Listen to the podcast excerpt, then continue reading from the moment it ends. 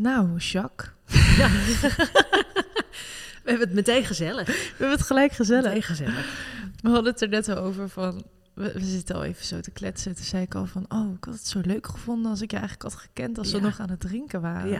En toen Ja, dacht want- ik... Oh, wat erg. Dat is dus precies hoe het werkt. Ja, weet je dat ik dat nu nog heb als ik op verjaardagen of gelegenheden kom? Dat is natuurlijk bijna nooit meer. Maar dan herken ik ze. Je ziet ze. Ja. Dat zijn mijn types. Ja, Ja. Daar zou ik nu mee in de keuken staan. ja precies. Dicht bij de koelkast. Ja. En nu zitten we hier. Ja. Want ik ben echt heel blij dat je er bent. Ja, dankjewel. Wat Want leuk. Ik, voel, ook. Ik voel me helemaal gesupport ook bij mijn, bij mijn sober sisters. En eh, mijn, ja, jij zei het ook al van hoe voelt het om zo uit de kast te komen. En ik vind het werkelijk echt een bevrijding. En het Ja. voelt echt alsof ik een echte keuze heb gemaakt. Ja. Gewoon van, there's no way back. En ik heb mega veel herkenning gekregen op mijn podcast... waarin ik eh, mijn liefde voor eh Sauvignon en Chardonnay uit heb gesproken. Maar eh, ook heel veel mensen die het herkennen, maar ook niet weten hoe verder. Toen dacht ik, ik moet gewoon met iemand om tafel die Ja. hier alles over weet. Heel goed. Dus ja, ik ben heel blij dat je er bent. Dankjewel. Ik ook. En ik heb jouw boeken allemaal verslonden. Ik heb echt alles tot me genuttigd wat hiermee te maken had, wat ik maar kon vinden. Dus dank je wel voor alle content, voor de podcast, dat wil je drinken. Allemaal naar luisteren, jongens, want dat is echt heel fijn en heel...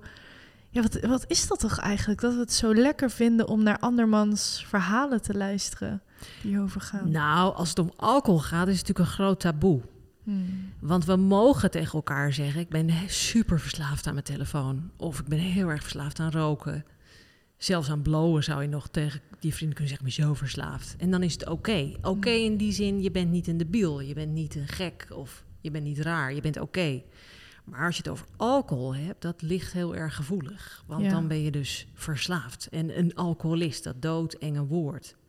Ja, En daarom vinden we het fijn om naar podcasts en video's en dingen. Dat is ook de reden waarom ik besloten heb om het te doen. Omdat ik denk, dit moet uit de taboesfeer. We moeten hiermee ophouden met eh verstoppertjes spelen en wijzen naar mensen die in een bushalte zitten met een halve liter. Kijk, Ja. dat zijn alcoholisten. En ik ben een normale drinker. Ja. Je, ik Dus- dacht ook heel lang dat het normaal was, namelijk. Maar er was iets in jouw boek, dat heb ik eh, als een echte student dat ik ben helemaal mooi ge... Hoe zeg je dat? Voorbereid, je huiswerk gemaakt. Dit was een zin, laat ik het zo zeggen, wat ik las. En dat ik dacht, "Oh, nu sla je gewoon de spijker op zijn kop. Hier. Het gaat erom dat je weet dat je te verliefd bent op het middel. Dat het een te grote rol speelt in je leven. Toen dacht ik, ja. Want hoe erg ik hier naar uit kan kijken, dat is... Ik ben echt verliefd erop. Ja. En toen stond er daarna van het label alcoholist ontslaat ons van de noodzaak om kritisch naar ons eigen drinkgedrag te kijken. Zolang we vinden dat we dat niet zijn, vinden we ook dat we geen probleem hebben. Ja, precies. Toen dacht ik, vrek. Er is echt een hekje. precies- Er Ja. is een hekje wat eh, het zwarte van het witte is- scheidt, zeg maar. Er is geen grijs gebied. Zelfs die zin, ik ben verliefd op wijn, is de eerste zin in het boek. Ehm, en want mensen kijken mij aan en die zeggen, ja, maar ik ben nooit dronken. Ik drink gewoon iedere dag twee glaasjes. En denk altijd, ja, wat twee glaasjes, dat kan van alles betekenen. Maar als ik dan tegen die mensen zeg, stop eens drie weken, dan zie je vaak al de, de angst in de ogen van, oh, help. En dan weet je eigenlijk al, precies wat ik zeg, dat het een- zo'n grote rol is gaan spelen, dat je daar angstig van wordt. Maar je hebt het voor jezelf goed gepraat Ja. of goed gecreëerd door te zeggen, ja, maar ik drink er maar twee en dan ben ik klaar. ja. Ja. Of die regels, hè, wat mensen doen van, ja, maar wij drinken alleen in het weekend. Zoveel mensen die dat doen. ja. En dan kun je teruggaan naar waarom moet je überhaupt regels maken? Want als je moet zeggen, ja, wij eten alleen in het weekend brood. Dan kun je bijna denken van, oh, maar wat is het dan met brood? Anders eet ik het de hele dag. ja. Snap je? Dat, ja, Het zegt eigenlijk al genoeg Ja. dat je die regels en die kaders Ja. voor jezelf moet maken. ja. Zodat je er dus vanaf blijft. Ja, maar we willen zo graag drinken. Gewoon als maatschappij. En daar moedigen we elkaar ook aan. Ja. Ja. Ja, er is zo'n nieuwe wereld voor me opengegaan. Ik, had, ik was ook altijd zo'n persoon die... Vooral omdat ik met spirituele zo bezig was... dat ik dacht van, ik word echt heel saai anders... en dan kan ik niet meer meedoen met de rest. En dat was voor mij, denk ik... en ik denk dat ik nog heel veel hier mag ontdekken... maar Ja. voor mij was dat dus ook een deel waarom ik dronk... is omdat ik dan lekker kon meedoen. Dan kon ik dus en hard werken... En ik kon dan gewoon op vrijdagavond nog helemaal gezellig met de andere mensen kletsen. Ja. En dat, dat die alcohol li- liet me wel doorgaan. En volgens mij was ik zaterdag was ik helemaal gevloerd. En dacht ik, ik ga nooit meer drinken. En dan begon het hele circus weer opnieuw. Ja, het is eigenlijk, het, het spreekt zich zo tegen, wat je net zegt. Van ik ben heel erg bezig met spiritualiteit. Ja. Maar dan de drank, die zorgde ervoor dat ik leuk mee kon doen. Terwijl eigenlijk als je heel erg met spiritualiteit bezig bent, dan ga je naar jezelf. Toch? Naar je kern, Ja. naar je authentieke zelf. En als iets je niet of verder wegbrengt van je authentieke zelf, is het alcohol. Maar alcohol zorgt voor heel veel van ons, zeker voor vrouwen ervoor, dat we ons kunnen handhaven in een oppervlakkige omgeving. In dingen die we eigenlijk helemaal niet leuk vinden, maar die, we worden wel geacht dat we het leuk vinden. Lekker borrelen met de meiden, lekker op de boot, lekker dit, lekker, lekker samen, paintballen, weet ik allemaal dat soort enge dingen. Maar die zijn te doen doordat je drinkt. En die wereld is voor mij in zes jaar opengegaan. Dat ik denk, hé, waarom doen we allemaal dat soort achterlijke dingen die we eigenlijk allemaal niet leuk vinden? Nou ja, dat wordt opgelost door alcohol. Ja. Oké, maar neem ons dan eens mee toen jij stopte met drinken. Ja, ik was een, eh, vond ik zelf, hele gewone, gezellige, fijne drinker. Ehm, ik was een drinker van als ik begon, dan ging ik door tot het eind. Ik dronk drie keer in de week, misschien een dinsdag, een vrijdag en dan nog een zondag. En dan zeggen mensen altijd, hoeveel dan? En dat is heel moeilijk aan te geven. Ik weet niet of jij dat herkent, maar want ja, zoveel als er was. Gewoon totdat ik mijn fiets niet meer kon vinden of niet meer. Ik vond ook de vraag: wil je er nog één? Dan zei ik ook altijd: dat hoef je, moet je nooit vragen. Het moet altijd door. Maar die mensen had je ook om je heen. Die had ik ook. ehm, ik bedoel, ik stopte op mijn 41ste. Tot die tijd had ik ook. Al mijn vrienden deden dat ook. En die waren allemaal succesvol. Banen, kinderen, alles erop en eraan. Nou ja, en ik wist altijd wel met van die katerdagen, dat ken je wel, dan dacht ik, oh nee, ik doe dit niet meer. Zo extreem gisteren, ik kan dit niet meer, ik wil dit niet meer. Ik vond het ook heel irritant als mensen zeiden, oh wat leuk hè, dat eh, die en die nog binnenkwamen aan het eind van de avond. Dat ik dat dus niet meer wist. Nou, snel dan maar wegmoffelen. Maar ja, dan na een paar dagen, dan voelde je je weer goed. En dan kwam er weer een uitnodiging. Ik denk, ja, we gaan weer beginnen. Nou, vanavond toch nog even wat drinken. Zeker als ik goede dagen had. Dan vond ik vooral dat er gedronken Oh, moest ja, worden. ik was echt een, ja, ik noem dat altijd een mooi weerdrinker. Het leek wel alsof positieve dagen, bijvoorbeeld als ik een detox-cursus had gegeven, ook zo frappant. Dan fietste ik naar huis en dan kwam ik binnen en dan met de jas aan al de- naar de koelkast. Om het snel open te maken of zo. Het, het was allemaal heel bizar. Maar goed, in ieder geval, eh, dat stoppen. Ehm, ehm, en het gekke is, dat wil ik even van tevoren zeggen. Elke keer als ik dit verhaal vertel, dan gaan mensen zich focussen op eh, het medische probleem wat erin zit. Terwijl dat eigenlijk niet echt met de alcohol te maken had. Maar goed, in ieder geval. Mijn man kreeg een infarct. Eh, eh, gezonde kerel, golfleraar, geen hoog cholesterol. Wel een forse roker, echt vanaf zijn twaalfde. Dat bleek ook, zei de cardioloog, wel de grootste oorzaak te zijn. Is meteen gedotterd, dus had daarna geen last. Maar we zijn drie weken daarna samen drie dagen weggegaan. Om even bij te trekken naar Terschelling, dochter bij opa en oma. En wij kwamen daar aan en we zagen een leuke beachclub. En we dachten, hé, hey, dat is gezellig. Nou, we moeten toch even vieren dat we het leven hebben. Dat we op vakantie zijn. En dat doe je met een flesje Sauvignon. Je kent dat natuurlijk. Nou ja, dat werd drie dagen lang tot het gaatje. Maar ja, hij had al die medicatie. Ja, elke keer als ik het vertel, denk ik, hoezo? Hoe deden wij dat? Ja. Ja, dat deden wij gewoon. Het kon wel, weet je wel zo. Nou, vierde dag staat hij op, huilend naast het bed. Hij zegt, Jacques, ik ga dood. Ik denk, ik, ik, ik, kan het niet meer aan. Wij naar een huisarts en ik zat in een, op een krukje in de hoek. En die huisarts zei, wat hebben jullie gedaan? Ik zei, nou, we hebben drie dagen in een, in een bad gelegen. En terwijl ik het zei, het was echt zo'n opera-moment... alsof er een, een, een vrachtwagen bakstenen over me heen werd gestort. Echt een, een spiritueel moment. Toen dacht ik, nu is het klaar. Ja. Nu is het klaar. Dus het ging eigenlijk niet zozeer om mij, maar ik zag het natuurlijk wel gebeuren. ja, je dacht ineens van, waar Wij zijn hebben- wij mee bezig? Wij hebben gewoon de afgelopen drie dagen alcohol belangrijker gemaakt dan alles. En dat heb ik, heb ik eigenlijk Ja. in mijn hele leven altijd gedaan. Dus ja, dan begint er een soort barre tocht, vond ik het wel. Alhoewel ik ook dat herken wat jij zegt, dat je je bevrijd voelt. Ja. Want je neemt ook een beslissing, oh, weet je, omdat het ook een gedoe is, al dat Ja, gedrink. het heet het. Die Om- katers en die dingen. En je bent er altijd mee bezig. En wanneer gaan we weer? En, dat, en is er wel genoeg? Waar is de bar? Waar is de ober? Waarom krijg ik zo'n klein glaasje? Al die toestanden. Vreselijk. Maar de eerste maand gaat dan goed. Maar dan gaat iedereen zeggen: Nou, wat goed, wat knap hè, van je maand. Maar we hebben volgende week dat en dat gebeuren. Of we hebben dat huwelijk. Of we hebben dat etentje. Je kan het niet maken om dan niet te drinken. Dat is dus wat mijn vrienden gingen zeggen. Heftig, hè? Maar ik wist, ik kan nog niet minderen. Dus ik ga niet alweer beginnen. En het uh, nog een, een, heel spiritueel moment voor mij was dat ik uh, twee maanden later een keer in de keuken stond. En toen klopte alles. Dus het was mooi weer, vrijdagmiddag. Dochter was weer uit logeren. Café was open, wist ik. En ik stond huilend in de keuken. Ik zeg, ik wil nu op een terras. Ik wil dat. En toen ben ik zo van mezelf geschrokken dat ik dacht, nou, als ik nog zo ben, dan kan ik voorlopig niet alweer beginnen. En ik ben dingen gaan zoeken. Maar ja, dit was 2016. Er was nog niet eens 0.0 bier. Dus ja, en niemand deed dit. Dus ik heb me gewoon maar er doorheen gevochten. Ik heb de film 28 Days met Sandra Bullock heb ik iedere dag gekeken. Op een gegeven moment, ik geloof een week of zes lang. Ja, heel debiel. Hij is natuurlijk typisch ook junkengedrag, denk ik nu achteraf. Ook weer zo in excess, weet je wel. Iedere dag die film kijken en mezelf heel erg discipline opleggen. Maar na een maand of vier merkte ik wel van, my god, weet je, wat slaap ik goed. En iedereen zei, wat zie je er goed uit en je bent zo fris. En nou ja, vooral dat slapen, ik weet niet of je dat herkent, maar dat is echt sensationeel. Hmm. Dat je denkt, dat is de basis van je hele bestaan, dat slapen. Dat zien we niet zo in de maatschappij, maar dat is, ja, dat is onvoorstelbaar. Ja. Dus um, ja, lang verhaal kort, toen dacht ik, ik wilde er een boek over schrijven. En toen heb ik Ontwijnen geschreven. Maar mijn coming out, dat is wel leuk omdat die voor jou natuurlijk ook vrij recent is.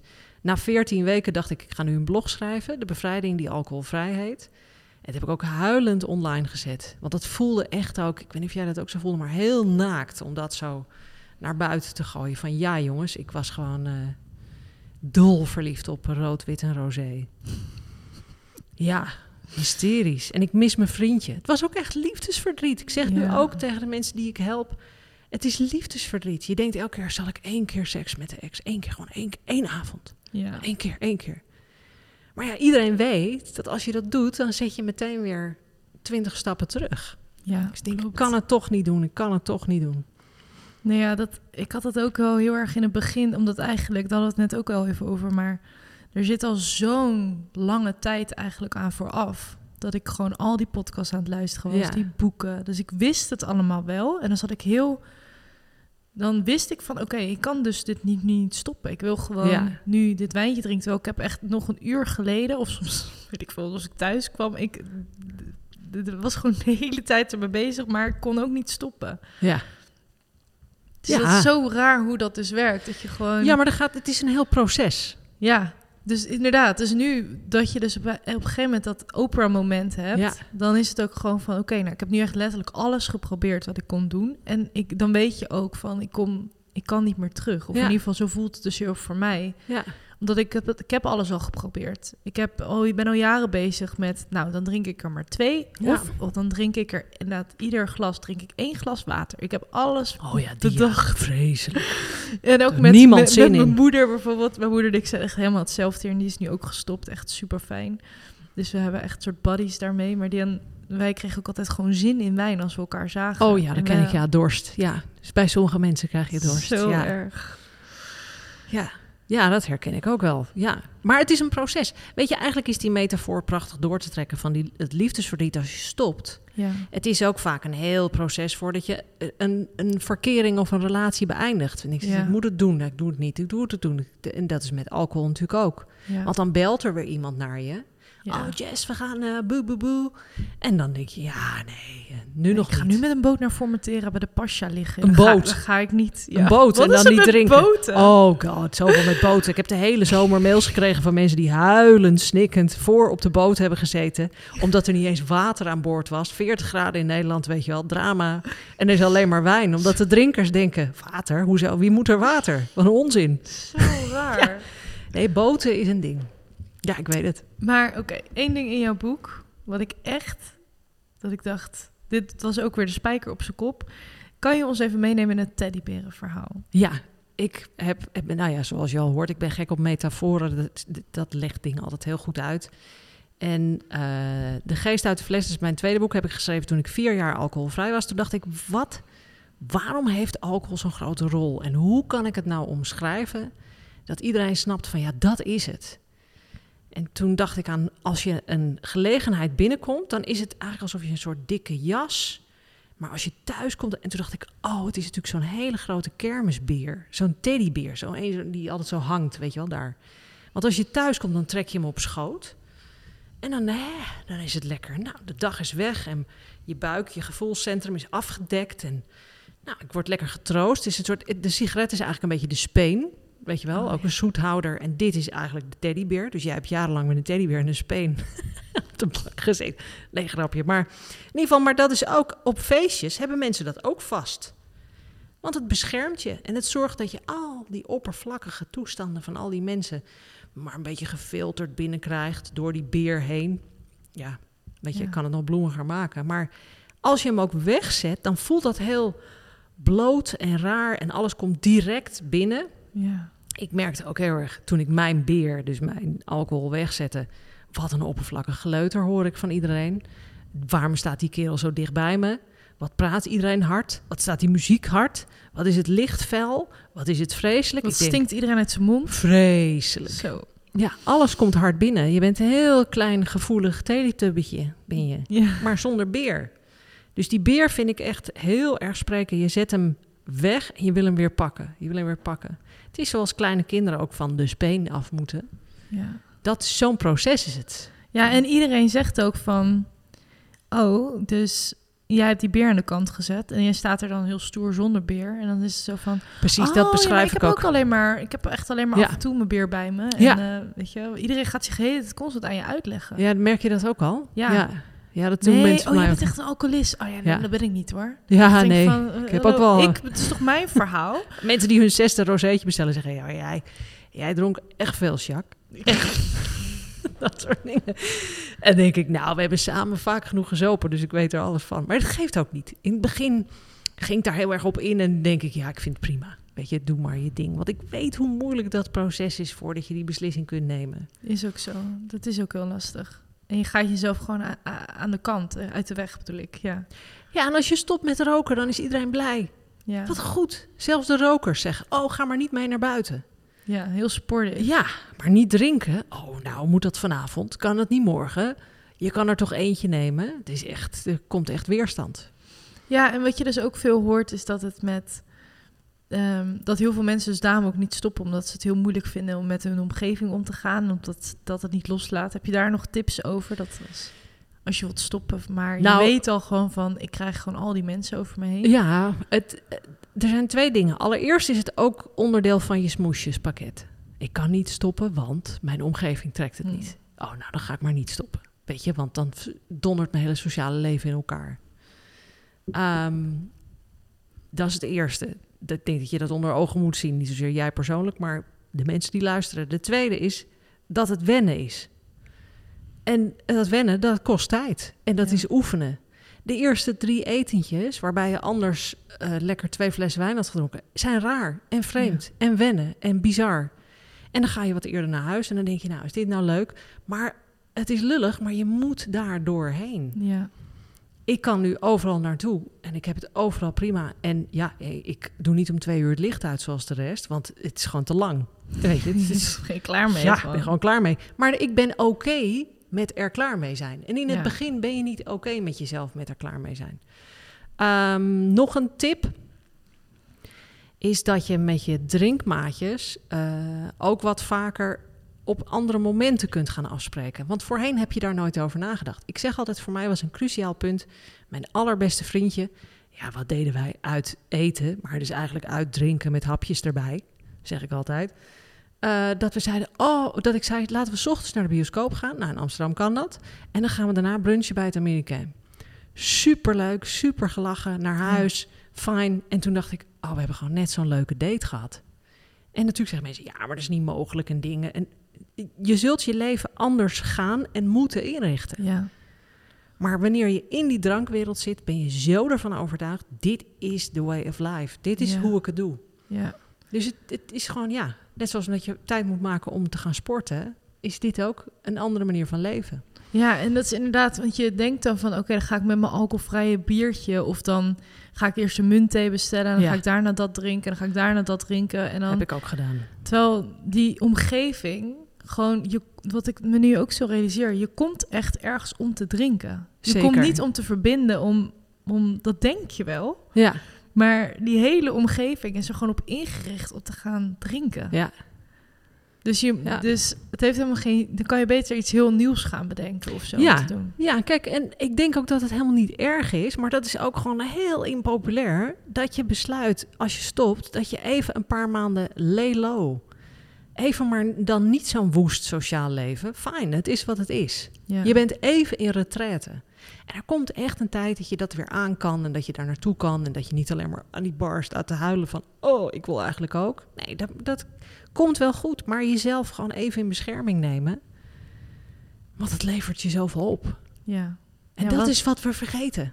Vertel eens, wat leeft het Nou, dat is natuurlijk altijd, dat vind ik altijd zo grappig aan Dry January. Dat de mensen dan zeggen, ja, nee, maar ik drink dan die ene maand niet. En dan elf Ja, maanden wel hard zuipen, weet je wel. Nou, maar ik drink januari niet. Dus ik heb bewezen dat ik geen alcoholist ben. Daar moet ik altijd heel hard om lachen.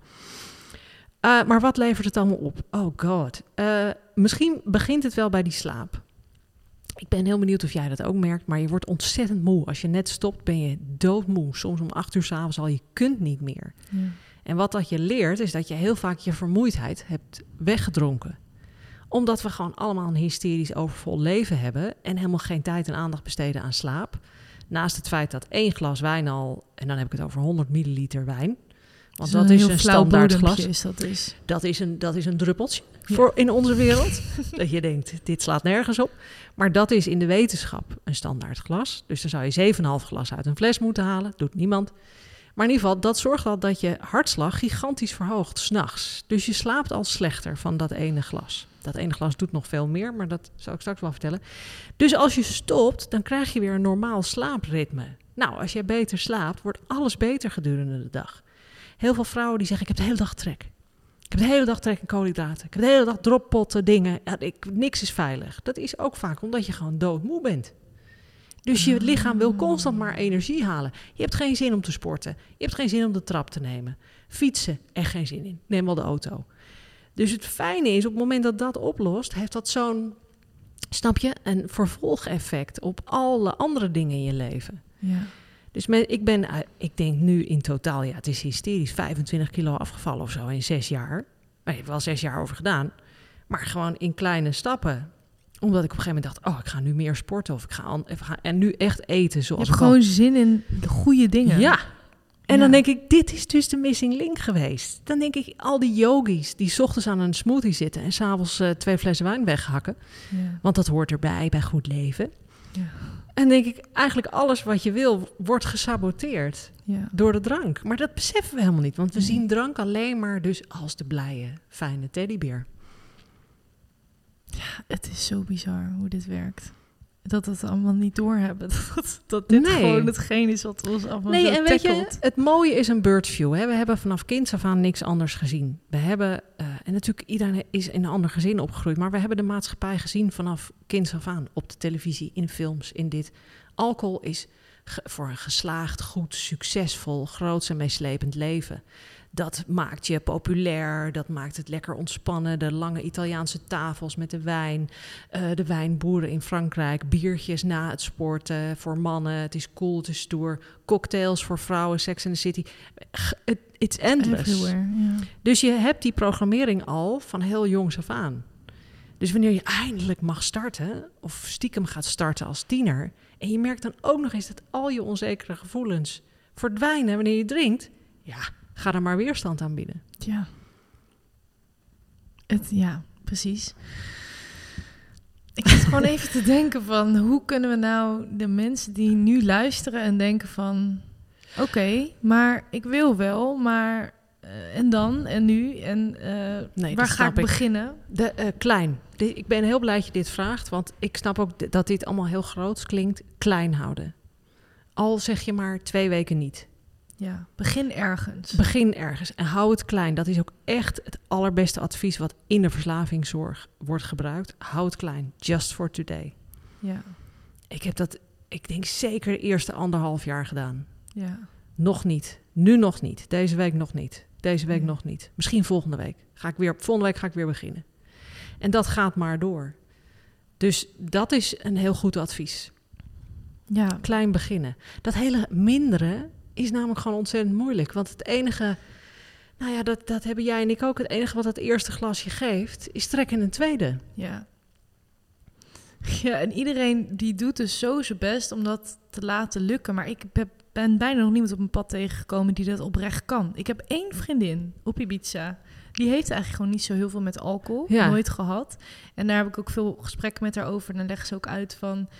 Ik keek juist vroeger naar mensen die dan heel lam werden. En dan dacht ik echt, nou, ik nooit. Weet je Ja. heel control freak. Ik ben alles behalve control freak. Ik hou me ervan om me te verliezen in dingen. Oh, echt? Dus dat is met alcohol natuurlijk. Oh, laat mij maar lam worden. Ik was dan nooit degene die kots in een hoek stond. Is wel gebeurd, maar ik was niet... Zover kwam het bij mij meestal niet. Ik kon er ook altijd heel goed tegen. Ehm, maar ik vind het juist zo lekker om het te verliezen in het moment. En dat Ja. is natuurlijk wat, wat alcohol doet. Ja, En ook het moment dat je denkt... Wat je ook zegt met dat vieren, dat voel ik ook zo erg. Dat, als, ik- dat had ik laatst van een week nog. Dat ik dan... Weet je, dan heb ik heel hard gewerkt en alles goed. En dan kan je zo'n mega euforisch Oh, gevoel ja. hebben van... Ah, ik, ik ben het echt aan het rocken. I Ja. love my life. En dat ik dacht, en nu dan? ja. En dan was het zo'n deceptie dat ik dan dacht... Nou, dan ga ik nu naar huis. En dat was hem dan of zo. Had je toen craving? Had je trek Mega. toen? Ja. En dan was echt zo vrijdagavond in Amsterdam. Ik woon natuurlijk op Ibiza, dus ik eh, kom al lang niet meer in... eh of ben weinig in Amsterdam met dat soort momenten. En dan zag ik iedereen zo onder zo'n heatertje zitten Oh buiten God, op het ja. terras. En ik echt zo... Ja, ga ik maar naar huis. Want ik ga daar echt nu niet zitten. Niet dat ik mezelf niet vertrouw, maar daar doe ik mezelf gewoon helemaal geen lol mee. Tuurlijk moet je dan naar huis. Ja, snap ik wel. En dat is wel de fase waar ik nu in zit. Dat het nog allemaal zo nieuw is. En tegelijkertijd voelt het als zo'n keus die ik heb gemaakt. Ja. Ook door het uitspreken en ook mijn omgeving. Iedereen voelt ook aan me van... Ik krijg ook niet echt veel vragen van... Oh, wanneer begin je weer? Want iedereen voelt wel van... Nee, dit is wel een beetje voor het leven, een soort van. En Ja. die- mensen die me kennen weten ook dat als ik ga, dan, dan kies ik. En dan, dan doe Heel ik het ook. Dus ik maak me niet zoveel zorgen over dat ik terugval heb. Nog niet. Maar ja, misschien meer even zo van... Het voelt alsof ik in een soort nieuw boek ga stappen. Ja. En dat ik nog niet helemaal weet hoe dat dan eruit gaat zien voor mij of zo. Weet je wat ik denk dat het belangrijk is om te onthouden? Dat je, ik snap dat je zegt, ik ben niet zo bang voor een terugval, maar neem associatiemomenten heel serieus. Ja. Er komt vroeg of laat, en ik ben mega optimist ehm, en altijd heel gedisciplineerd, maar er komt een moment, wat ik bijvoorbeeld heb gehad met kerst. Ik was 22 Ja. juli gestopt. December, dus mega veel verder al. Geen slok genomen, niks. En ik stond in de soep te roeren en mijn broer kwam binnen en die had zo'n oude Franse wijn. Oh. En het was kerst en de kaarsen staan aan en je ruikt de open haard en de dingen. En ineens dacht ik, oh god, wat is dit erg. Maar ik kan Ja, hier dus bijna niet... huilen als ik je helemaal inleef. Is- Ik kan hier dus, nou, en ik heb dus staan huilen boven Ja. de soep. Omdat ik dacht, ja, maar dit is natuurlijk vreselijk. Oud en nieuw. Ja. Als iets alcohol infused is, is het dat wel. Nou, ik vond daar geen doorkomen aan. Vreselijk. En om twaalf uur zei mijn man, ja, ik ga nog even naar de buren. Ik denk, ja, wat moet ik daar? Weet je, iedereen is klaplam. Oh. Ik begon ook altijd al, nou, ik weet niet, ergens in de middag al. Dus s'avonds om twaalf uur was het al ehm, een toestand, zeg maar. Ja. Dus dan lig ik in bed. Nou, gelukkig nieuwjaar, weet je wel. Ja, vreselijk. Dus wat ik hierbij wil zeggen is, neem de associaties heel erg serieus. En dat, Ja. dat er zoveel op je pad komen, die ineens als een bus van links binnen kunnen. Snap Ja. je? Dus dat... ja, ik voel ook echt dat ik een soort kluizenaar nu het liefst wil zijn. Dus dat ik ook gewoon echt voel van... Maar dat is toch voor een, voor een periode oké? Ja, Oh, daar, dat wil ik je graag meegeven. En iedereen die luistert. Heel veel mensen mailen mij en die zeggen... als het zo blijft, ga ik weer beginnen. ja. Dit is afschuwelijk. Ik wil geen kluisenaar zijn. Ik was altijd outgoing. Ik was altijd hè, on top of every party en allemaal leuk. En dan zeg ik, het blijft niet zo. Maar je hebt dat... Is weer een prachtige metafoor. Deze vind je ook mooi, denk ik. Het is eigenlijk als een kreeft die zich gaat vervellen. Hmm. Die moet zich terugtrekken onder een steen om een nieuw panzer te groeien. Ja. Die kan niet buiten blijven staan in het zonnetje terwijl dat panzer groeit. Die moet zich terugtrekken. Dus Ja. gun jezelf ja. die periode, want dat is het, is een periode, kan daar geen datum aan hangen, om, weet je, dingen even op orde te brengen voor jezelf. En daarna kun je gewoon weer naar buiten stappen. Ja. En dat is wel een soort troostende gedachte, weet je wel? Want in je hoofd kan je, ze noemen het wel eens de wijnheks. Ik vind dat altijd heel negatief, maar dat is die stem die jou gek maakt. Ah, kom op nou, in één keer, wat een gedoe. En doe dan één keer in de week. Bij mij Ja. werd het ook gezegd, doe ik dan zes keer per jaar. Weet je, al allerlei, Ja, ik heb ook alles bedacht. alles, ja. Alleen de evenweken, alleen in het buitenland, alleen, eh, nou ja, alleen als je in Nederland bent in jouw geval bijvoorbeeld. Weet je, je kan alles verzinnen. Maar dat is allemaal om je Ja, je terug gaat te altijd weer terug. Zelfs met de sigaret Ja. is dat ook zo. Ja, en Ja. Dat, maar dat snappen we veel beter. Ja, We snappen dat je niet kunt zeggen, ik ga alleen in het weekend roken. Ik bied ze alleen. Die Ja. verhalen kennen we van Ja. de rokers. dan heb je ineens een pakje meegekregen en die Ja. ligt dan in je laadje. Ja, en, dan maandagochtend denk je, ja, pak je moet op. Ja, Ja. Ja, en na, vier, na drie weken bietsen denk je, ja, dat is lullig. Ik ga nu naar dat feest, ik neem zelf wel een pakje mee. Nou ja, dan dat, kan ik weer uitdelen aan iedereen. Rook ik het niet helemaal zelf op. Ja. Ja. Bizar wat ons allemaal aanpraten. ja, en dat doen we met alcohol ook. Alleen zijn we, heb- hebben we dat inzicht nog niet. Nee, oké. Maar dit stelt wel gerust. Ik ga gewoon inderdaad even lekker terugtrekken. En, eh, want ja, ik moet ook eerlijk bekennen, ik vind het helemaal niet zo leuk nu om... eh, nee, dat begrijp ik. Ik voel me inderdaad heel naakt. Dus alles klopt ook wat je zegt. Ja. Ik denk van ja, en ik vind mensen ook heel vermoeiend. En eh, ik vind heel veel vragen. Dat ik denk, al die vragen, ik heb helemaal geen zin om Laat me met rust. Ja. ik heb geen zin om me uit te leggen. Ik wil gewoon lekker in mijn bed liggen. Ja. En, eh, ja. Ik zou daar wel aan toegeven. Ook om die periode te vergemakkelijken, maar ook om je lijf, want het is echt herstel. Ja. Ik heb nu een MDL-arts in mijn team en die zegt ook altijd: de lever heeft zes weken nodig om te regenereren. Dus gun jezelf ook dat die tijd om te slapen. ja, echt even bij te komen. Ja, Ja, en dan partners ben ik ook wel benieuwd naar. Want mijn vriend drinkt nog wel. En eh, nou, dat vind ik eh, prima. Ik bedoel, ik verwacht niet van hem dat hij ook nu gaat stoppen ja of zo. snap ik. Maar ik, eh, wij kunnen er ook gewoon goed over praten. En ik neem hem daar ook wel gewoon in, in mijn ding mee. Maar dat maakt het natuurlijk soms... Heb je nog tips hoe ik daar bijvoorbeeld mee om kan Heel gaan? veel tips. Want ik eh, eh, dagelijks ook de mensen die ik begeleid, die beginnen daar ook altijd. Vrouwen hebben daar ontzettend veel moeite mee. Nou voel ik niet aan jou dat je, dat je hem per se wil veranderen, maar ja, je zit er wel bij. Je Nee, bent er meer, wel bij. wij hadden gewoon...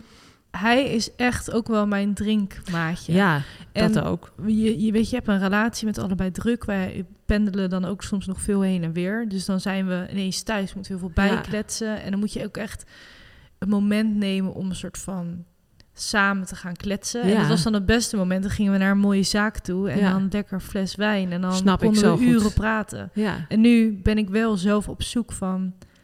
Oké, ik wil die momenten wel hebben, maar dat kan ik niet in al die zaken nu. Want dat, dat denk ik alleen maar, oh, Ja. ook zo'n glas prosecco. Ja, En dan zit ja, het eerste half uur zit ik alleen maar naar zijn glas te kijken. ja vreselijk. En Ja. bestelt hij er alweer een? Dat soort dingen.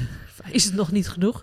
Nee, dat snap ik. Ehm, ook dat advies wat ik net gaf geldt hier weer van... het kost tijd. Het is niet leuk nu. Het is ook niet leuk te rammen nu. Dat, die periode moet je door. Eh, spreek dat af en toe naar hem uit. Van, oh, ik vind het even heel moeilijk. ja. Dat is oké. Dat, of tenminste, eh, ik vind dat hij dat oké moet vinden. Nee, dat vindt hij ook oké. Oké, Ja. gelukkig. Ehm, en probeer ook af en toe bewust iets in te plannen dat je samen ergens gaat ontbijten. Ja. Eh, of dat een keer lukt, van we gaan er even bij kletsen. Dus dan creëer je eigenlijk hetzelfde, maar dan is die drank, is er dan, snap je, is niet zo aanwezig. Lunch is natuurlijk meteen alweer. Ja. Dat je echt zegt, laten we eens in de week even ontbijten, om even te connecten met elkaar. Dat is ook gek en raar in het begin, maar het helpt wel om niet dat je over een jaar denkt, we praten nooit meer. Nee, Snap je? precies. Ja, en dat rebelse stuk. Want dat is dus ook waar ik nu achter kom waarom ik dronk. Dat ik heel erg voel dat er heel veel rebellie in mij zit. Dat ik Ja. heel graag eruit wil. En mensen denken altijd natuurlijk van... oh, ben een spiritueel blond meisje, weet je wel. En ik was ook zo- zo- zo'n act ook van... hey, nee, kijk naar mij. Ik eh zuip Ik iedereen onder de tafel. Ja, ja. Kijk eens hoe rebels ik ben, weet je wel. en nu denk ik... nou, ik voel niet meer echt de behoefte om überhaupt aan mensen door de strot te duwen hoe ik ben. Ik bedoel, eh, als je geïnteresseerd bent, kom je Ja. vanzelf achter. Ehm, maar ik ervaar namelijk, dat vind ik zo fijn bij jou. Ik voelde heel veel hetzelfde in jou. Hoe uit jij, hoe kan jij dat deel van jezelf kwijt nu dat je niet meer drinkt? Nou, ik, de- eh, bedoel je een beetje van dat je zegt... ik deed altijd gek en eh, woest doen en leuke dingetjes als ik gedronken had. Ja, en, dat je het gevoel hebt van, uh, fuck Ja. alles. En Ja, ja, weet je, ja. nu hebben ik ben detox coach, maar hè, ik vind het ook heerlijk om lekker huis te houden, laat maar zeggen. Ja, nou ja, dat deed ik natuurlijk ook. Ehm, de overdag mensen adviseren over eh, glutenvrij eten... en dan s'avonds avonds drie flessen wijn drinken. Ehm, ja, da- dat heeft ook tijd gekost. Kijk, eh, als je het goed bekijkt... is niet drinken natuurlijk eigenlijk het meest rebelse wat je kunt doen... in Ja. de scene waarin jij zit. Ja, Want iedereen drinkt, kan ik me voorstellen. ja, Eh, alleen geeft het nu, vanwege die associaties, wat ik zei, die het al vanaf kinds af aan inzitten. Alcohol maakt je gezellig, maakt je leuk, maakt het ontspannen. Het is stoer, het is cool, de cocktail, eh, de champagne staat voor goed leven. Weet je, het is allemaal een en al walhalla wat we aan alcohol hangen. Ehm, dus daar moet je van loskomen en dat is moeilijk. Omdat dat nu nog steeds, na, wat is het, zes weken nuchter... ja, dat zit nog heel hard in je systeem. ja. En ik snap dat je daarvan af wil, maar dat kost tijd. Dus je gaat vanzelf je weer... Op het moment dat jij naar feestjes gaat en je relaxed voelt en je bent oké... nou, geef dat wel minimaal een aantal maanden. ja. Maar ik blijf bij je, dus het komt helemaal goed. Een aantal maanden, dan sta je weer ergens en dan voel je je eigenlijk super cool... en hopelijk ook wel juist heel rebels... dat iedereen staat te drinken en jij niet. Nee, ja dat, ja, dat is ook helemaal zo. Maar dat kost En dan kan je al die rebelse dingen ook dus doen, gewoon zoals je bent. Dan heb je dus niet... Eigenlijk, want als je het zo uitlegt, is het ook zo dat we denken dat drinken... Er is dan een associatie mee van... eh, weet je, kijk, Dat is mij het is... coole, eh, ja, zeker. Whatever, wat, Ja. dat zo'n vibe heeft het met zich mee. Ja. Terwijl hoe vet is het dat jij ergens staat en dat je al die dat je het wel leuk vindt om bepaalde avonturen aan te gaan, maar dat je Ja. daar helemaal niks voor nodig hebt. Ja. Dat je dat gewoon helemaal kan doen als jezelf. Ja, ik heb de mensen die ik begeleid die dan dus zeg maar rond een jaar zitten, die zeggen: Nou, ik ga weer dansen en ik ga weer dit en ik ga naar feestjes en ik ga naar festivals en dingen. Maar hoe relaxed dat ik gewoon fris naar huis kan. En Ja. die ochtend daarna gewoon kan gaan hardlopen of sporten of whatever. Ja. Er is een prachtige quote van omdenken. Eh, wie, wie niet drinkt is saai. Wie wel drinkt is dat morgen. Ja. En dat is zo waar. Want weet je, ik bedoel, soms denk ik als ik terugkijk op al die verloren tijd met al die katers. Nou, de, ja, het is echt vreselijk. Ik kon echt gewoon helemaal niks. Ja, en weet je wat ik dus zo bizar vind? Dat die paar wijntjes. Dus stel je voor, ik ging wel lunchen en ik dronk twee wijntjes, want dat kon ik af en toe wel prima. Ehm, dat twee dagen later heb ik daar blijkbaar dus nog zo'n last van gehad dat ik het heel erg merk in mijn productiviteit. Ja. Ik ben nu dus echt een mega aanpakker. Ja. Ik dacht dat ik altijd best wel een soort van luiig was. En ook bijvoorbeeld heel erg contra- confrontatievermijdend. Terwijl sinds ik niet meer drink, kom ik erachter dat dat helemaal niet zo is. Nee. Maar dat ik gewoon heel veel dingen. Oh, even. Ja. Nou, dat ik straks wel. Of weet je wat, dat heel erg. Ja. Weet je, die energie veel meer in. Oh, maar dit is zo mooi dat je dit nu zegt, want dat brengt me op nog een heel belangrijk voordeel van niet meer drinken. Ehm, ik was inderdaad enorm conflictvermijder. Eh, weet je wel, moeilijke onderwerpen niet aangaan, eh, van alles, allemaal wegstoppen en van alles. Toen ik stopte na een maand of vier, liep ik in de supermarkt. Toen dacht ik, ik ben zo boos. Ik weet niet waarom, maar ik ben zo boos. Ben boos op iedereen op de wereld. Het zal ook wel van het gemis van niet drinken. Maar alles wat ik als nou, een van mijn coaches zei het een keer heel mooi. Het zijn als plakjes salami die je in bureaulaars hebt gedaan. Die zijn gaan rotten gewoon. En nu gaan al die lades open. Ja. Alles wat je jarenlang hebt weggestopt door al dat gedrink. Wat je niet beseft hebt, want je hebt niet gedacht... ik heb nu heel veel emoties, die ga ik vanavond wegdrinken. Want zo is het natuurlijk niet, maar je hebt het wel gedaan. Op het moment Ja. dat je nuchter bent, denk je... fuck, alles staat ineens voor mijn neus. En ik vind jou irritant, en ik vind jou irritant. En naar mijn vader dacht ik, ik heb met jou nog een appeltje te schillen. En dit, en jij hebt dat, en mijn broer is dit, en hu, hu, hu. Ik heb alles opgeruimd in zes jaar. Alles wat ik 25 jaar heb laten liggen, heb ik in vijf jaar opgeruimd. Het heeft me alles gegeven. Nieuwe vriendschappen, echte vriendschappen. De vriendschappen die ik al had met de mensen met wie ik ook dronk, maar die vriendschappen die echt waren, zijn altijd gebleven. Dat is ook altijd een vraag: ben je vrienden kwijtgeraakt? Dan zeg ik: de vriendschappen die echt zijn, die gaan niet weg. Het is wennen, weet je wel, net zoals met dat naar de film en naar het Amerikaan. Superleuk. Maar ja, we drinken niet meer. Ja. Maar het cadeau van, nou, misschien 30 uur meer in de week. Om Ja. alles te doen wat ik wil doen. Ja. Altijd willen sporten, super fit lijf, lekker slapen, ijzersterk. Ja, en nu ik ook, nu mensen zeggen van je kunt toch wel één glaasje drinken. Ik weet nu ook te veel over de gevaren van alcohol dat ik het ook gewoon echt niet meer wil. Ja, want dat is ook een goed punt Ja. dat je dat aansnijdt. Want we doen natuurlijk er zo over Ja. van, oh, een wijntje. En eh, volgens mij kan je nog, nou ja, nee, die vergelijking ga ik niet maken. Maar nou jawel, kan nog beter denk ik gewoon ieder weekend een pil slikken als dat je gewoon drinkt. Nou, dat is heel interessant dat je dit aanhaalt. Kijk, Mijn dochter is elf en dan eh, zeggen vrienden van mij... ja, wacht maar, dat ze veertien is, dan gaat die van jou zeker heel hard zuipen. Weet je wel, dat vinden ze dan heerlijk om te zeggen. om te zeggen. Het is heel onaardig eigenlijk. Nu ik het zeg, denk ik, het is eigenlijk heel onaardig. Maar goed, dan het is dan eh, na een flesje.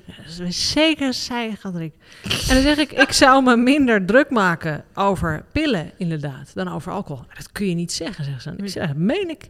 Ja, maar daar raak je niet zo verslaafd aan. Nou nee, en dat is ook, ik bedoel, alcohol kun je iedere dag doen, daar heeft niemand het over. Ja. Maar pillen, dat ga je niet om vijf uur 's middags dat je denkt, nou, nu een klein ecstasytje en dan knap ik helemaal op. Dat, dan ga ik lekker televisie kijken vanavond, weet je. Ja, met, met alcohol wel. Maar goed, in ieder geval, eh, de kijk, de alcoholindustrie is dolblij dat wij nog steeds in het sprookje geloven. Dat vinden ze natuurlijk fantastisch en daar zullen ze ook alles aan doen. De tabaksindustrie is heel veel macht kwijtgeraakt, mag ook niet meer aan tafel zitten bij de overheid. De alcoholindustrie mag dat wel. Ja. En dat zie je dus ook. Drankreclames zijn overal. We hebben nog steeds een Holland Heineken House. Te belachelijk voor woorden. En ik weet dat mensen mij een extremist vinden. Maar het is in het kader van alles waar we het net over hadden. Belachelijk. Ja. Hoezo? Maar goed, in ieder geval. ehm, als je bedenkt wat alcohol aanricht, zeggen mensen: oké, hoe slecht is het dan? Niemand weet het. Behalve de wetenschap. Ik heb in colleges gezeten van professoren dat ik me echt vast heb moeten houden aan mijn stoel. Want ik denk, ik kan wel nu, moet nu een kliniek in en moet me laten doorlichten, want ik, ik denk dat ik dood ga. Nou ja, in ieder geval, eh, vrouwen, borstkanker. Eén glas per dag, dat is 100 milliliter per dag. Dus dat is dan, wat ik al zei, 100 milliliter, een slokje. Verhoogt je kans op borstkanker met 10%. Eén, wacht, nog één keer. Eén glas per dag, dat betekent 100 milliliter. Ofwel 250 milliliter bier, of ik geloof 5 centiliter sterk. 100 milliliter wijn, dat is dit niet eens. Dat is minder. Dat is echt, wat, waar we het eerder over hadden, een druppeltje. Als jij eens in de week als vrouw, ik hoorde het in jouw podcast, maar het ligt toch nog iets minder, één keer in de week vier glazen drinkt als vrouw, Oké.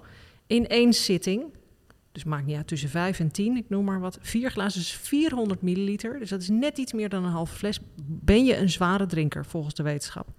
En verhoog je met die ene middag drinken, 400 milliliter, dat zijn eigenlijk twee glazen, twee forse glazen, verhoog je kans op darmkanker met 40 procent. 40, 40 procent. Natuurlijk, want mensen vallen hier altijd over omdat ze het heel eh, sec eh, interpreteren wat ik zeg. Natuurlijk is de kans op het ontstaan van kanker is met meerdere factoren.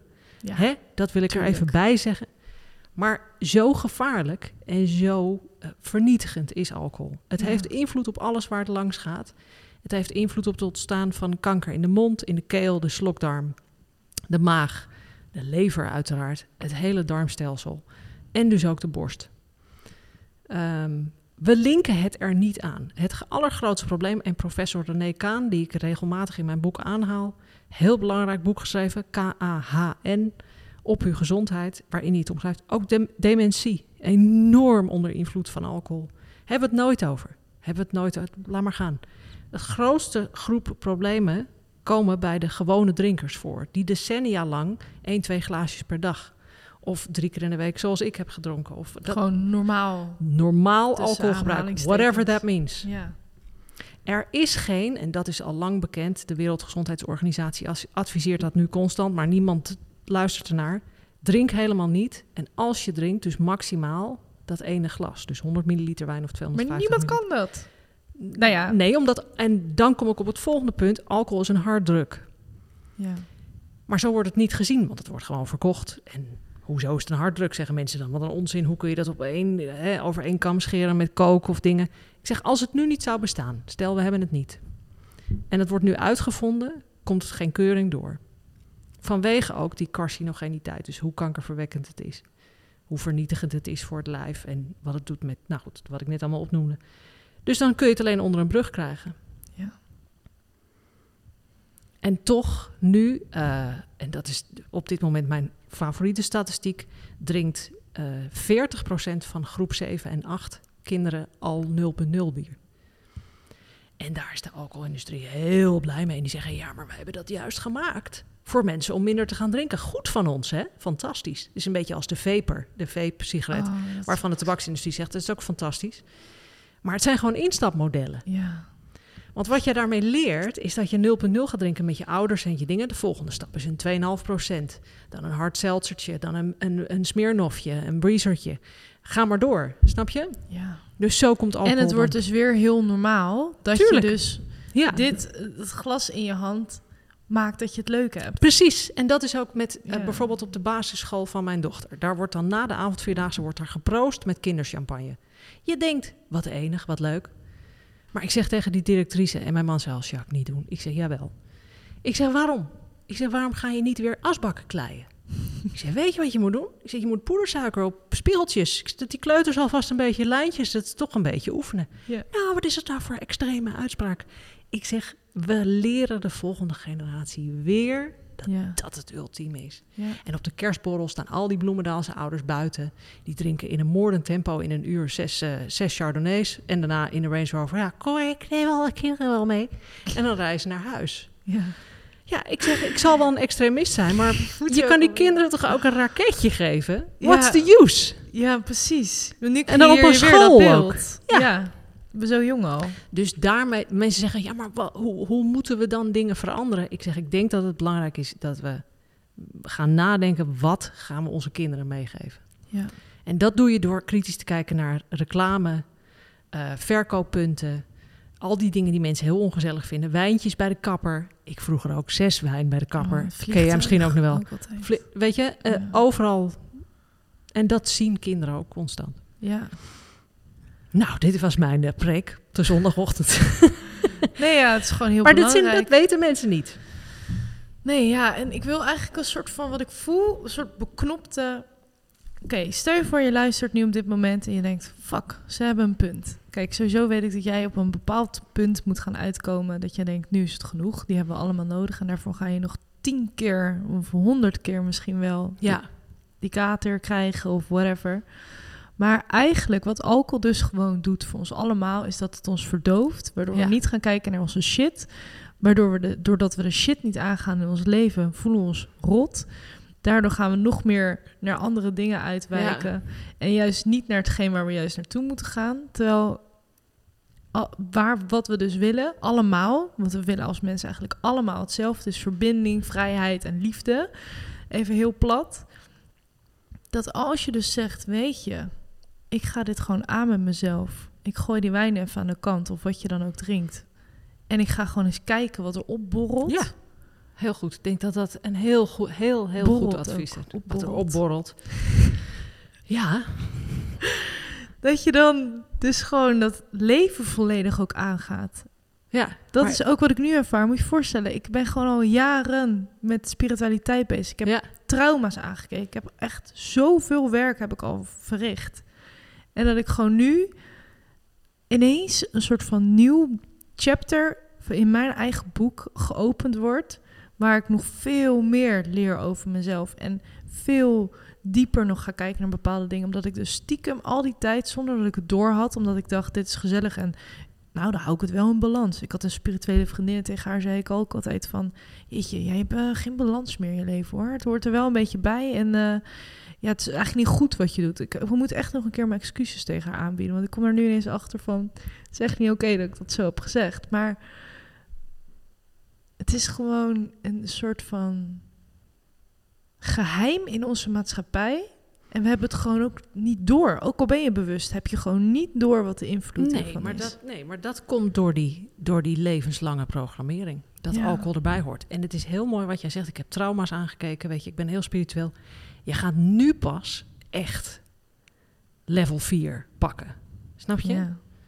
Althans, dat, dat, dan zeg ik dat zoals ik dat ervaren heb. Dat hoeft voor jou natuurlijk nog niet te gelden. Maar ik ging mijn echte grote herstelwerk pas doen toen ik nuchter werd. Ja.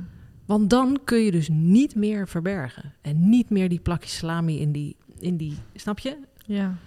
dan moet je alles naakt en nuchter aankijken. Ja. En dan komt alles in een sneltreinvaart weer voorbij. Want het- precies wat je zegt, het is de ziekte. En Maarten Dammers zegt dat heel mooi. Dat is die interventionist op RTL 4, die het programma Verslaafd Oh, doet. ja, ja, Ehm, we hebben een heel mooi interview met hem in onze podcast, maar dat terzijde. Maar die zegt heel mooi: het is de ziekte van verbinding. Ja.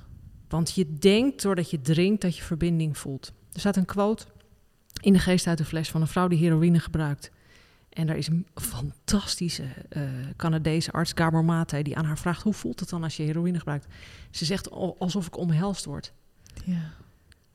Oh, en dat is dus bij echt. mensen die heel ernstig verslaafd zijn, die echt in de zorg belanden en dingen, is er altijd sprake van trauma. Want je, bent, je drinkt niet voor de smaak 15 wijntjes. Echt niet. Nee. Het is volslagen onzin. Je kunt jezelf afvragen, drink je nog wel voor je plezier? Ja. Je drinkt omdat je niet anders kan. Dat is je manier om je sociaal of met je eenzaamheid, om je überhaupt te manifesteren. Dus je moet je niet verbondenheid aankijken als je niet meer drinkt. En dat is je grootste taak. Maar daar ben je in het begin, dus voor mensen die luisteren, die denken, mijn god, wat een toestand. Daar ben je in het begin helemaal niet mee bezig, want je bent alleen maar bezig met, hoe moet ik niet drinken? Ja. Dat is de eerste stap. ja. En daar kun je de tijd voor nemen. En het is gewoon zo'n ongelooflijk mooi proces. Wat Ja. je met jezelf dan aangaat. En uiteindelijk, als je dan weer helemaal uitzoomt... en dan komt mijn spirituele ding schiet dan weer aan... dat ik denk, oké, maar dat is toch ook wat we hier komen te doen? We komen hier toch ook met z'n allen om die echte verbinding aan te gaan... en onszelf gewoon Ja, helemaal alles te doorvoelen... en te bevrijden van al die ellende. ja maar om je leeft in een... met elkaar te kunnen verbinden. En Nee, dat klopt, Jessie. van- Maar we leven in een maatschappij waarbij het helemaal niet de bedoeling is dat je alles gaat doorvoelen. Want je moet gewoon lekker leuk doen. Ja. En leuk je op de feestjes zijn. En leuk, gezellig en nou, lekker Ja, druk. alle ballen hoog houden. Ja, en we zien er goed uit en we maken een leuke instaan. Het is allemaal fantastisch. Ja, nee, die tijd is echt over. Voor ons. Dus dat is het. Want Ja. eh, als je vraagt, hey, hoe is het? Dan is het de bedoeling dat iemand zegt, hey, goed, met jou, superleuk. ja. Dat, dat, is, dat is het. En om dat vol te houden, is drank ideaal. ja. Dus Ja. dat valt eraf staat je dan. woedend op een feestje. Nou, eigenlijk gaat het kut. Ja, ik gaat het kut. En dan moet je dus met een gemberthee op die Instagram. Ik heb een fantastisch eh, weekend. Succes daarmee. ja, daarom heb ik nu ook een nieuw boek geschreven, als ik dat mag zeggen. Over 30 Tuurlijk. dagen alcoholvrij. Wat wil je Ja. drinken? Wat Wat- wil je drinken? Ja, Ja. want mijn andere twee zijn heel erg over de diepgang en de zwaarte en de dingen. Ik denk, ik moet een... Want dat vroeg je natuurlijk ook van, geef mensen een eerste tool. Ja. Dan ga maar eerst 30 dagen niet. Ja. En zien hoe dat voor je werkt. Maar ik hoop met dat je je geïnspireerd voelt daarna om te zeggen: ik wil het langer doen. Ja. Want het is gewoon zo te gek. Ja, Ik maar zwaar gewoon- in het begin. Ja. Ja, het is dubbel of zo. Maar daar kom ik sowieso... Het leven is sowieso mega duaal. Alles is de hele tijd en-en, vind ik. Ja, maar daarom is die alcohol zo lekker. Ja, Want dan kun je er allemaal doorheen. ja. Nou, ik vind het een verlossing. Ja, ik ben natuurlijk nog een newbie, maar ik vind het geweldig. En ik, wil, ik ben heel nieuwsgierig naar wat het leven me te brengen heeft. En ik heb ook heel veel zin om gewoon over een paar jaar weer dit gesprek met je te Ja, hebben. leuk. Op een boot. Nou, een, ja- op een boot. Ja, fantastisch. Een waterboot. Nee, maar het is ook een jaar is ook heel mooi, hè? Als Ja. je, dat is echt zo letterlijk full circle. Al die seizoenen door. Ja, Dus onthoud ook je datum. ja wat was het? Eh, laatste dag van augustus. 31, 31, oké. augustus. Dat is echt prachtig als je al die seizoenen hebt doorlopen. Ja. Want ieder seizoen is ook wel misschien voor de mensen die luisteren ook, want je gaat ook altijd uitstellen. Ja, maar nu niet, want het is bijna, ik ben bijna jarig, of het is bijna december, of het is bijna dit, of het is bijna dat. Ja, Nou, snap ik. te bedenken. Ja, ik snap wel dat december voor heel veel mensen om te beginnen heel ingewikkeld is. Ja, dan kan je, wacht dan, ga dan voor 1 januari. Ja, maar dan zeggen ze op 1 januari, ja, maar we moeten eerst nog skiën. En skiën zonder, weet je wel, dat is, ja, Ja, oké. Ja, eens. Je bent wel echt badass als je gewoon vlak voor kerst zegt, weet je, kap er gewoon mee. Nou ja, je wil rebel zijn. Dat is dan, eh, Ja. dat is dan het advies. Stop. Stop op eerste kerstdag. Maar ja, die kerst, dat vind ik eigenlijk ook wil Ja. nog, nog meer tips uit je. Nou ja, kerst is Want dit natuurlijk is ook oprecht, zo. als ik nu kijk naar mijn vorige kerst, dat was gewoon, ja, wijn, mensen, zoals Ja. iedereen, iedereen En af en toe wat te eten voor de vorm. Ja, Ja. dan, ja. ja. nou ja, gewoon maar opstaan. En het als één dag bekijken. Ja. Dat geeft voor heel veel mensen rust in het hoofd. Want kerst voelt dan als een soort heel groot ding. Terwijl het, Ja. het is eigenlijk maar gewoon één dag. Nou ja, paar dagen. Begrijp ik, maar die volgende dag begrijp- zie je dan weer als één dag. Oh ja, oké. En dus je staat op op eerste kerstdag. Oké, nou, ik ga de komende drie uur niet drinken. Dus zo, er zijn heel veel mensen die echt heel ernstig verslaafd zijn. Die bijvoorbeeld 's ochtends al beginnen. Dat hebben jij en ik denk niet gedaan. Nee. Maar dat je zegt, oké, bij de lunch, nou, ik ga nu niet drinken. Ik neem, eh, of ik neem niks erbij. Ik ga me focussen op het eten. Dat geef ik ook vaak als tip. Focus je op het eten. Nee, eet wat extra's. Ja. Het is oké. Als je al lekker zo'n kerststol met van die Eh, Vreet je zo misselijk aan de... ja, eh, ga iets doen. Ja. En zie het als een experiment. Maak het luchtig. Ga Ja. eens om je heen kijken wat er gebeurt in die familie. ja, dat is ook een goeie. Wat gebeurt daar eigenlijk? Eh, wanneer je het lang van tevoren niet weet, dat je niet drinkt, ga je kerst indelen zoals je het echt graag wil. Ik weet dat ik mezelf hier niet populair mee maak. Want je moet dan vaak naar mensen en zo, dat je denkt, mijn god, wat een toestand. En dan is die drank heerlijk. Maar ga het eens invullen zoals je het echt wil. Ja. En eh, maak, ga op tijd naar huis. ja. Dat zeg ik ook altijd tegen mensen die net stoppen. Ja, maar ik moet wel blijven tot 12 uur, want iedereen blijft tot 12 uur. Nou, ik weet, bij ons in het gezin vroeger werd er op een gegeven moment ging zelfs de strorum open en zo. Dat soort hysterische. Of mijn vader die zei, ah, de, de, de cognac is verdampt. En die stond naast de bank. Nou, die ging weer een pootje over en weet ik het. Ja, het maar is dat is ook als je nu kijkt, hè, dat je dan denkt, oh, wat hebben we gezellig. En die avonden die ik dan ook herinner, die zijn dan ook echt helemaal te gek. Maar als je er dan nuchter naar kijkt, dan voel ik ook een bepaalde treurdis heel erg. Ja, dat ga je heel erg voelen. Die, die avond komt een keer. Of het nou kerst is of daarvoor. Dat je ineens ziet dat mensen harder gaan praten. Dat komt ook omdat hun zintuigen verdoofd worden. Daarom gaan mensen harder praten, dichter bij elkaar staan. En dat ze zichzelf, omdat hun geheugen eh, niet meer goed functioneert, vertellen ze vijf keer hetzelfde verhaal. Ja. Dat je echt denkt, dit, ga je dit nu echt weer vertellen? Dit heb je echt net gedaan. Of hele flauwe grappen en lachen. En de- ze zijn er helemaal van overtuigd, wij hebben het zo leuk. ja. Wij hebben het fantastisch. Kom nog maar een flesje erbij. Het geeft je een ogenschijnlijke verbinding. Die, die, die, die warme knuffel, die, die heroïne-junk wat, ik- van die quote. Van, Ja. Het geeft je het gevoel van, ik kom thuis. Ik word omwikkeld door rood fluweel. Ik trek mijn teddybeer op schoot. Ja. En, En de je realiteit is gewoon, Zoek je teddybeer er binnen. zitten gewoon stinkende mensen tegen elkaar te schreeuwen. Ja. Ze wil geven een sigaretje ook. Ja, dat Ja. soort dingen. Ja, ik weet het. Ik denk Ja. het ook. En vreselijk ziek op eh, tweede kerstdag, s ochtends om half tien. Is mijn eh, eh, beste verkoopmoment van boeken. Hè? Zocht, tweede kerstdag, s ochtends om half tien. ik zeg ook altijd, dat je hebt iedereen de eerste kater. En ik denk, fuck, ik moet vanavond weer. Nou, ik ga nu dat boek kopen. Ik ga in januari beginnen. Oh, maar dat is ook zo erg nu ik daar weer over nadenk. Hoe ik dat dan altijd deed. Dan had ik dus een kater. En dan dacht ik, oké, nou, ik overleef dit niet nuchter. Dus nee, dan vreselijk. ga je weer gewoon... Ja, Moest ik gewoon wel twee, drie Chardonnay naar binnen werken. Ja. Om weer een beetje normaal... Dat ik geen zweet aanvallen en... eh, En je vindt ze heel vies vaak om weer te beginnen dan eh, rond die lunch. Ik Ja. vond ze dan al vies, maar ik denk nou maar even doordrinken, want het moet wel weer. eh, ja, nee, ik vond ze dan niet eens heel Nee? vies. Oh. Ah, jij bent tien keer erger dan ik. Dat hoor ik al. Dat hoor ik nu al. Nou, lieverd, ik wil je echt heel erg bedanken. Heel graag gedaan. Ga Leuk. iedereen die dus wil stoppen, eh, ja, lees Jacqueline boeken, luister de podcast, doe mee met het programma. Er zijn honderden, tientallen, tig manieren om te gaan starten. Precies, als je het maar doet. Ja, en eh, anders laat dit gewoon weer een onderdeel zijn van je reis er naartoe. En eh, nou, we gaan elkaar spreken. Fantastisch, dankjewel. Dankjewel. Als je nou blij wordt van deze podcast, meld je dan aan voor de Floor Fam. Want daar gaan we nog veel dieper op alles in.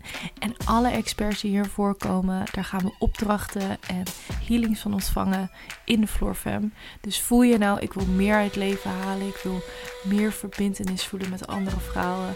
Meld je dan aan voor de Floor Fam. Ga naar www.chifloor.com voor meer informatie. Heel veel liefs en ik hoop je daar te zien.